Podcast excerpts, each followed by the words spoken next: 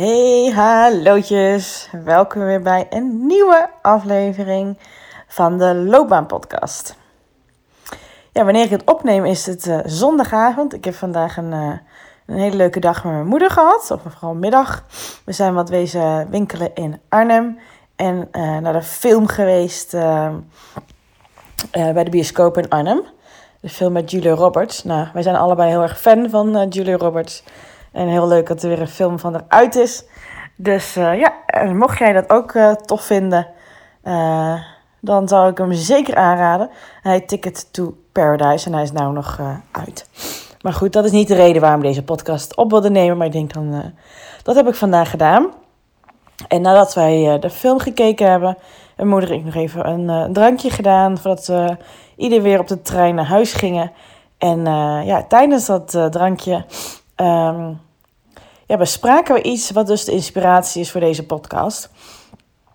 En uh, mijn moeder en ik, ja, op een gegeven moment weet je soms niet meer hoe je ergens belandt hè, qua gespreksonderwerp. Maar we hadden het over, um, ja, laat ik het zo zeggen, dat ik natuurlijk ook coach ben.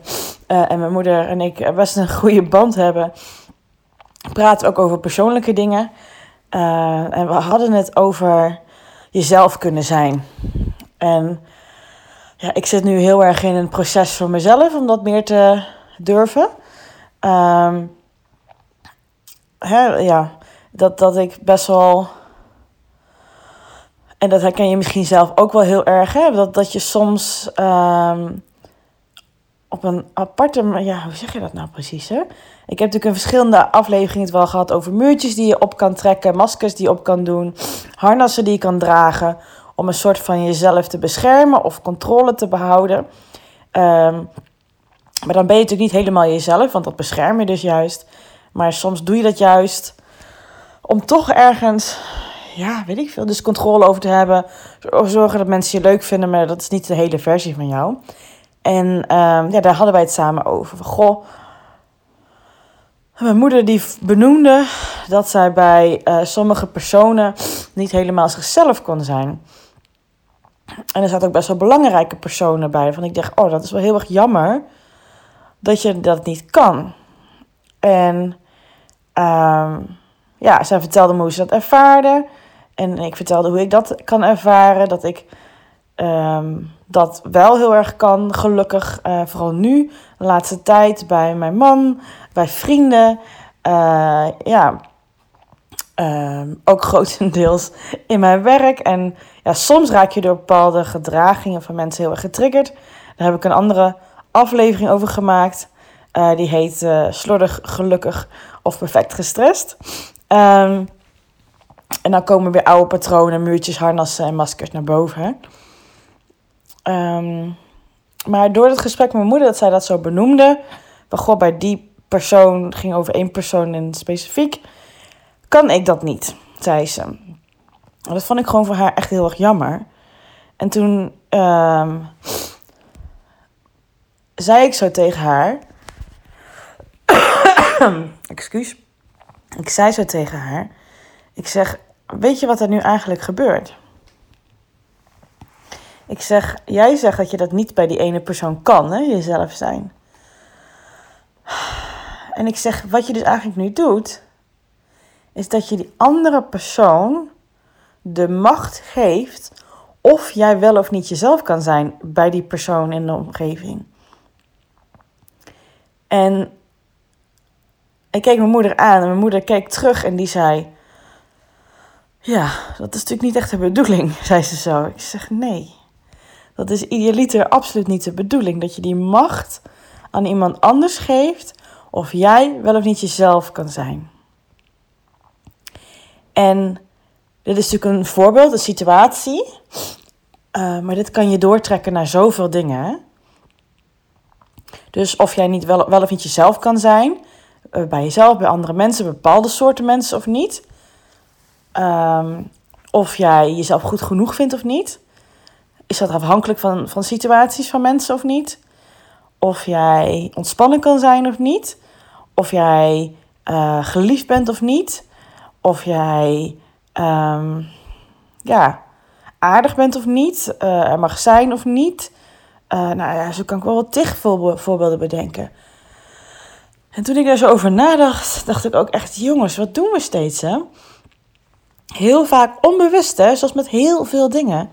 Onbewust leggen wij die macht in iemands anders zijn handen of haar handen. Onbewust. Dat we altijd aftasten bij die ander. Oeh, moet ik hier mijn harnas aan? Moet ik hier mijn maskertje op? Moet ik mijn muurtje optrekken of niet? Um, ben ik hier veilig of niet? Want als ik me niet helemaal veilig voel, woep, dan kan ik mezelf even lekker wop, zo die muur omhoog kelderen. Of, of trekken juist, kelderen is naar beneden. En wanneer kan ik hem weer een beetje naar beneden doen? En als je dat doet, als je daar constant mee bezig bent, als je merendeels van de dag bezig bent met het aftasten, met het observeren, met het analyseren, met dat alert zijn daarop. Ja, nee, dan snap ik heel, heel goed dat je niet echt jezelf kan zijn. Want je bent constant aan het aftasten. Alsof je soort van in het donker loopt in een kamer. En je weet gewoon, mijn god, niet wat je aan gaat treffen. Is die leeg? Staat er, staan er uh, elementen in? Is er misschien een persoon? Uh, nou ja, bij elke stap die je maakt en je zit er af te tasten, denk je, oh ja, hier niet. Oh, ontspan. Oké, weer volgende stap. Oeh, ik, uh, ik hoor iets. Oh, wat moet ik doen? Alsof je zo de hele dag ehm, ja, alert bent op, moet ik oppassen? Moet ik alert zijn? Moet ik wegrennen? Moet ik, uh, of, is het hier veilig? En ben ik eigenlijk in een of andere uh, hartstikke mooie kamer beland waar ik graag wil zijn? Maar ja, het licht is uit, dus ik zie het niet en ik weet het niet. En dan kom je pas aan het einde achter als je de lamp aandoet of nou, aan het einde van de kamer bent. En dat herken jij vast ook wel. Dat geloof ik. Dat geloof ik. Iedereen doet het namelijk in een bepaalde mate. En dan is het even afhankelijk van op welke onderwerpen jij dat doet. Maar ik denk dat jezelf zijn echt wel een hele, hoe zeg je dat, essentiële is. Of, of ja, die heel erg bij je identiteit natuurlijk, uh, of daaraan schaart. Hè. Mag jij van jezelf zo zijn? Zoals je bent op dit moment. Puur jezelf. En hoeveel daarvan leg je in iemand anders handen of dat oké is, of je dat kan doen, of dat mag. En hoeveel ben je iedere keer aan het aftasten of dat kan of niet? Of, hè? Ik hoor ook heel vaak mensen om me heen. Ik kijk ook altijd van die guilty pleasure programma's, hè, van uh, The Bachelor of dat soort dingen. Of, of Temptation Island. Het was echt een tijdje geleden volgens mij. Bij The Bachelor van uh, Australië, geloof ik dat zo'n vrouw zei van ja, ik ben gewoon helemaal mezelf. Ik ben helemaal authentiek. Nou, authentiek zei ze niet, maar ik vind dat als je helemaal jezelf bent, dan ben je ook gewoon authentiek. En dan doe je ook de moeilijke dingen, omdat je zo voelt en zo zegt. Maar heel vaak als mensen dat zeggen, juist als ze dat benoemen, ehm, ja, vraag ik me af of dat echt zo is. Want dat zijn dan vaak alles, mensen alles eruit flappen. Ja, dat ze het gewoon helemaal voelen en denken en vinden. Denk ik, dat is niet helemaal jezelf zijn. Dat is een soort van toch ook weer een harnas optrekken van ik, ik schiet gewoon overal op. En dan kan je mij niet raken, want ik schiet gewoon op iedereen. En dan willen jullie ook niks met mij, want ja, anders schiet ik op jou. Met mijn woorden. Het natuurlijk niet met echte, je snapt wat ik bedoel. Dus dat is ook een manier om jezelf niet kwetsbaar te laten zijn. Want je hebt overal oordelen op, of meningen op, of reacties op. Of je bent gewoon heel goed in jezelf uit te drukken.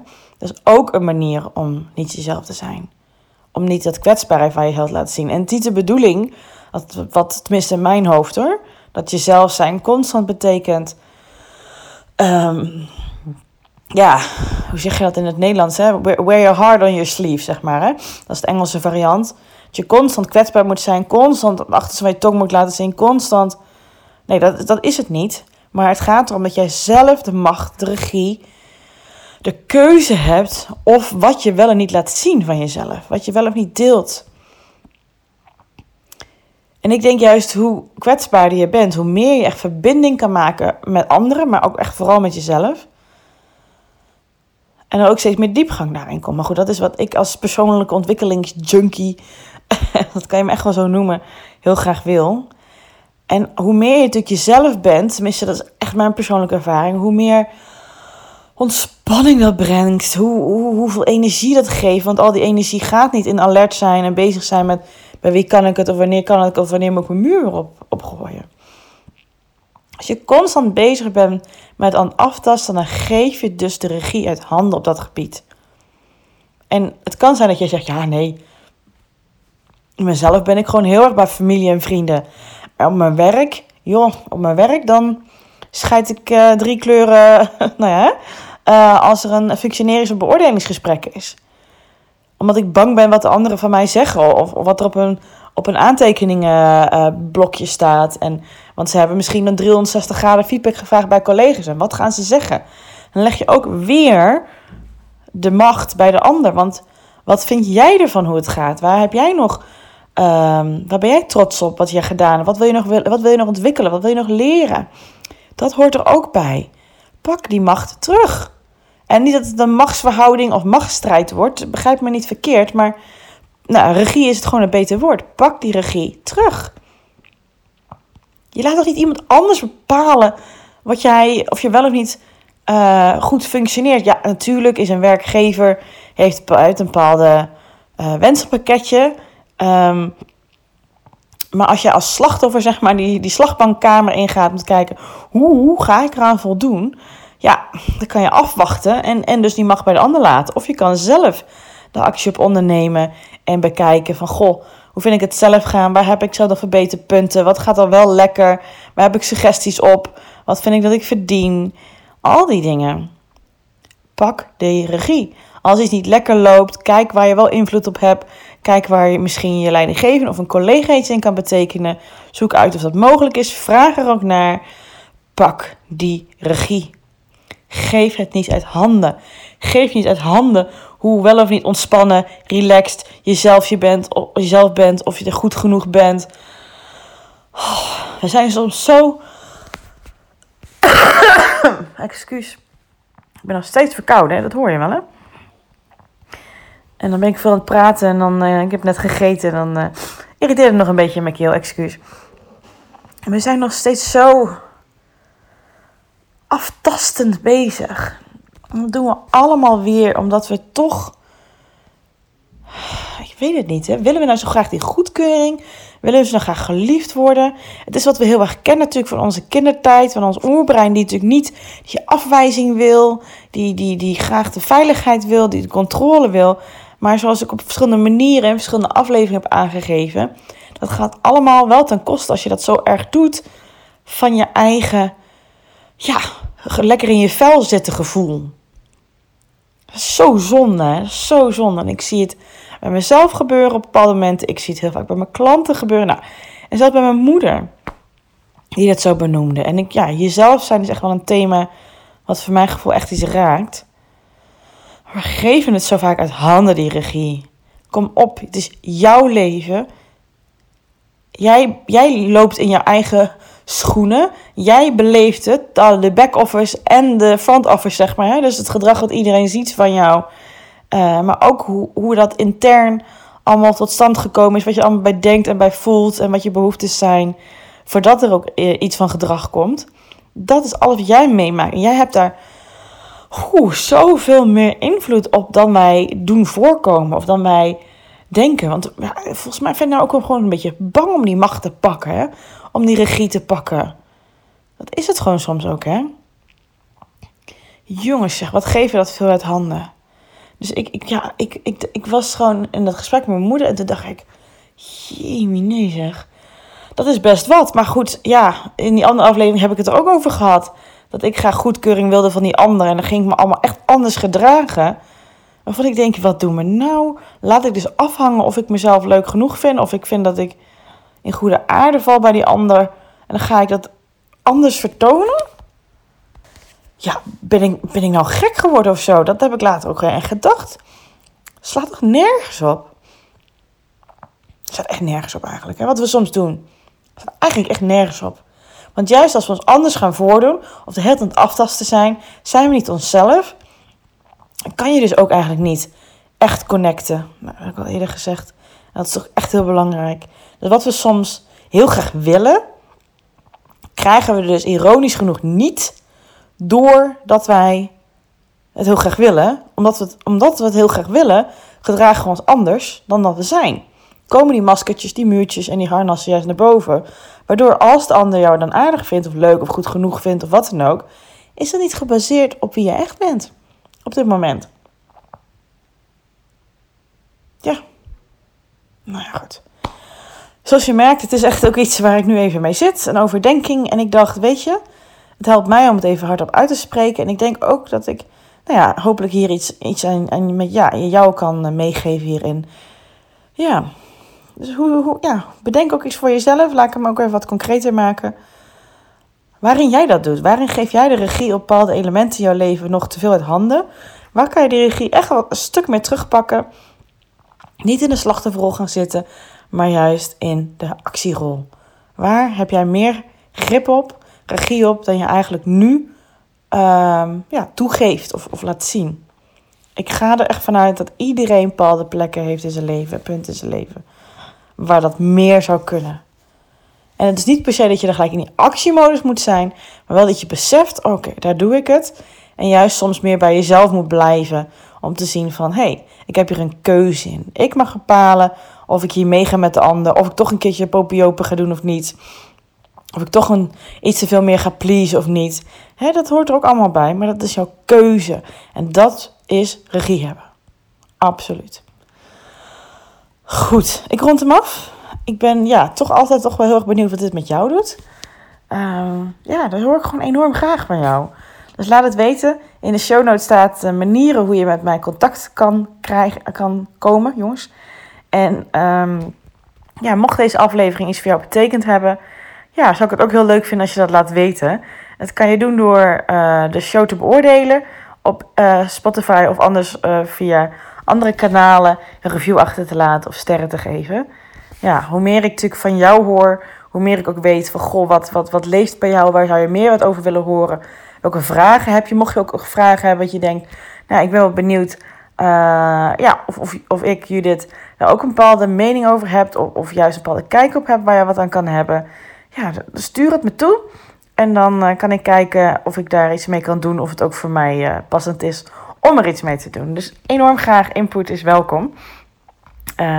ja, en in ieder geval tot de volgende aflevering. Doedels!